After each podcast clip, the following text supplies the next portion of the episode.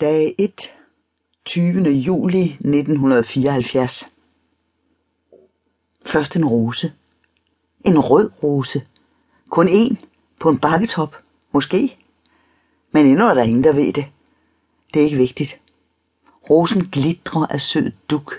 Selv her i juli, hvor solen er varm og stikkende. Røde dråber, der glitrer i det overvældende tyngende lys. Små dråber, der ligner blodige tårer, hvis du nogensinde har set sådan nogen. En døende mands sidste tårer. En mand, der er blevet slået ihjel, ligesom Kristus. Indre blødning. Evig blødning. Men det må den lille pige ikke vide. Rosens stilk er 100 mile lang. Som normale stilke er den lige de første 10-15 cm, og så begynder den at bøje og sno sig ud og ind, op og ned, som en vej med torne og blade. De, der plukker rosen, vil holde Jesu hjerte i deres hænder og skue udødelighedens hemmelighed. De vil en gang for alle blive befriet fra denne verden. Medmindre man betragter den fra oven, er det dog umuligt at vide, hvor rosen befinder sig. Man må følge stilken, og man skal vide, at det bliver en frygtelig rejse. Hvad nytte er eventyr, der fjerner os fra livets barske realiteter? Hvad nytter disse historier, der giver os håb, hvor håbet ikke findes? Og hvem skal fortælle pigen, når historien er ved vejs ende, at rosen slet ikke findes? Bør hun overhovedet få det at vide? Rosen hører til i en historie, som en mor fortæller sin datter en dag, hvor hun ved, hun skal dø. Moren ligger på gulvet og læser op af en lille grøn bog. Pigen ved ikke, at siderne er tomme, at de hver og en er blanke og hvide, som sneen på Trodersbjergene. Moren er netop kommet tilbage fra brønden og er blevet skudt i venstre skulder lige over hjertet. Hun trækker vejret anstrengt og peger på havens tørre buske og fortæller sin datter, at det er her, stilken begynder. Pigen gør store øjne.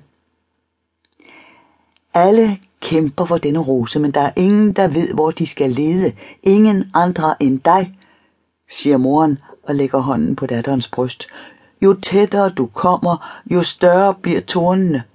Du vil opleve onde ting, mørke gerninger, men du må ikke give op. Der vil komme mennesker, som er klædt i grønt. Du skal gøre, hvad de siger. Ja, det skal du. Så vil du være i sikkerhed.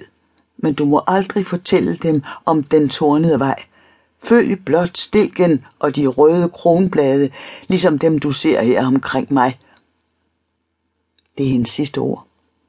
Hendes hvide hud er dækket af blodet, som også pletter gulvet. I sollyset stryger den lille datter sin mors hår. Lad os gå sammen, mor, siger den lille pige.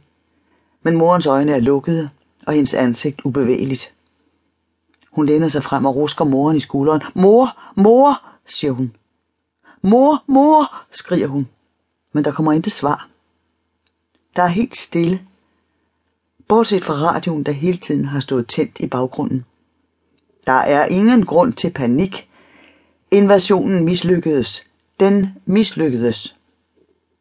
Hun lytter til ordene. Stemmen marcherer rundt i værelset. Der er ingen grund til panik. Vi smed dem i vandet. Vi drev dem ud i havet. Den lille pige tager sin mors hånd og holder den op til sit ansigt.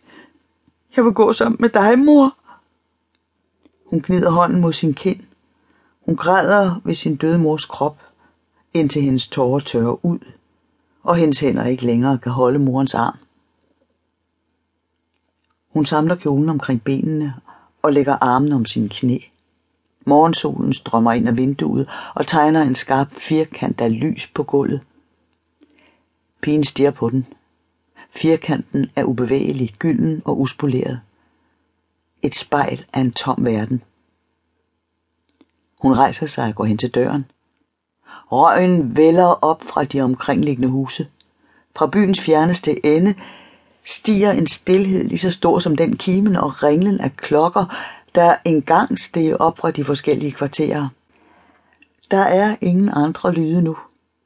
Ingen mænd i vejkanten, der råber vandmeloner, meloner, agurker, tomater,